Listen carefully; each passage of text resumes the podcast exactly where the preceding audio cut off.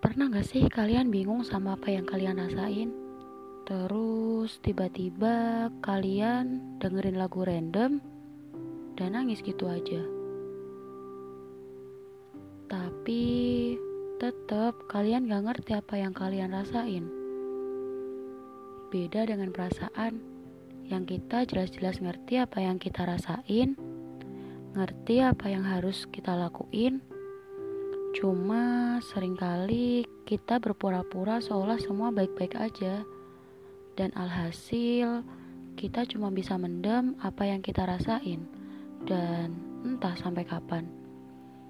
Kita sering kali menyimpulkan jawaban orang lain terhadap pertanyaan yang kita berikan. Padahal nyoba aja belum. Nyoba tanya. Ini nih yang bikin overthinking malam-malam memikirkan kemungkinan-kemungkinan jawaban yang keluar darinya. Padahal belum tentu jawabannya kayak yang kita pikirin. Mau bertindak, tapi takut kalau waktunya nggak pas. Mau diem aja, tapi makin hari makin kepikiran.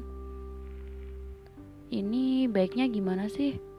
Pertanyaan yang sederhana, tapi rumit. Haruskah dia tahu? Atau biar aku saja yang menyimpannya?